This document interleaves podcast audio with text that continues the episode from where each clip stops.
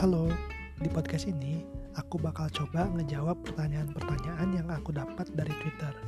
Jadi buat teman-teman yang punya pertanyaan aneh tentang apa pun, teman-teman bisa nih kirim pertanyaannya ke Twitter @prkdlx.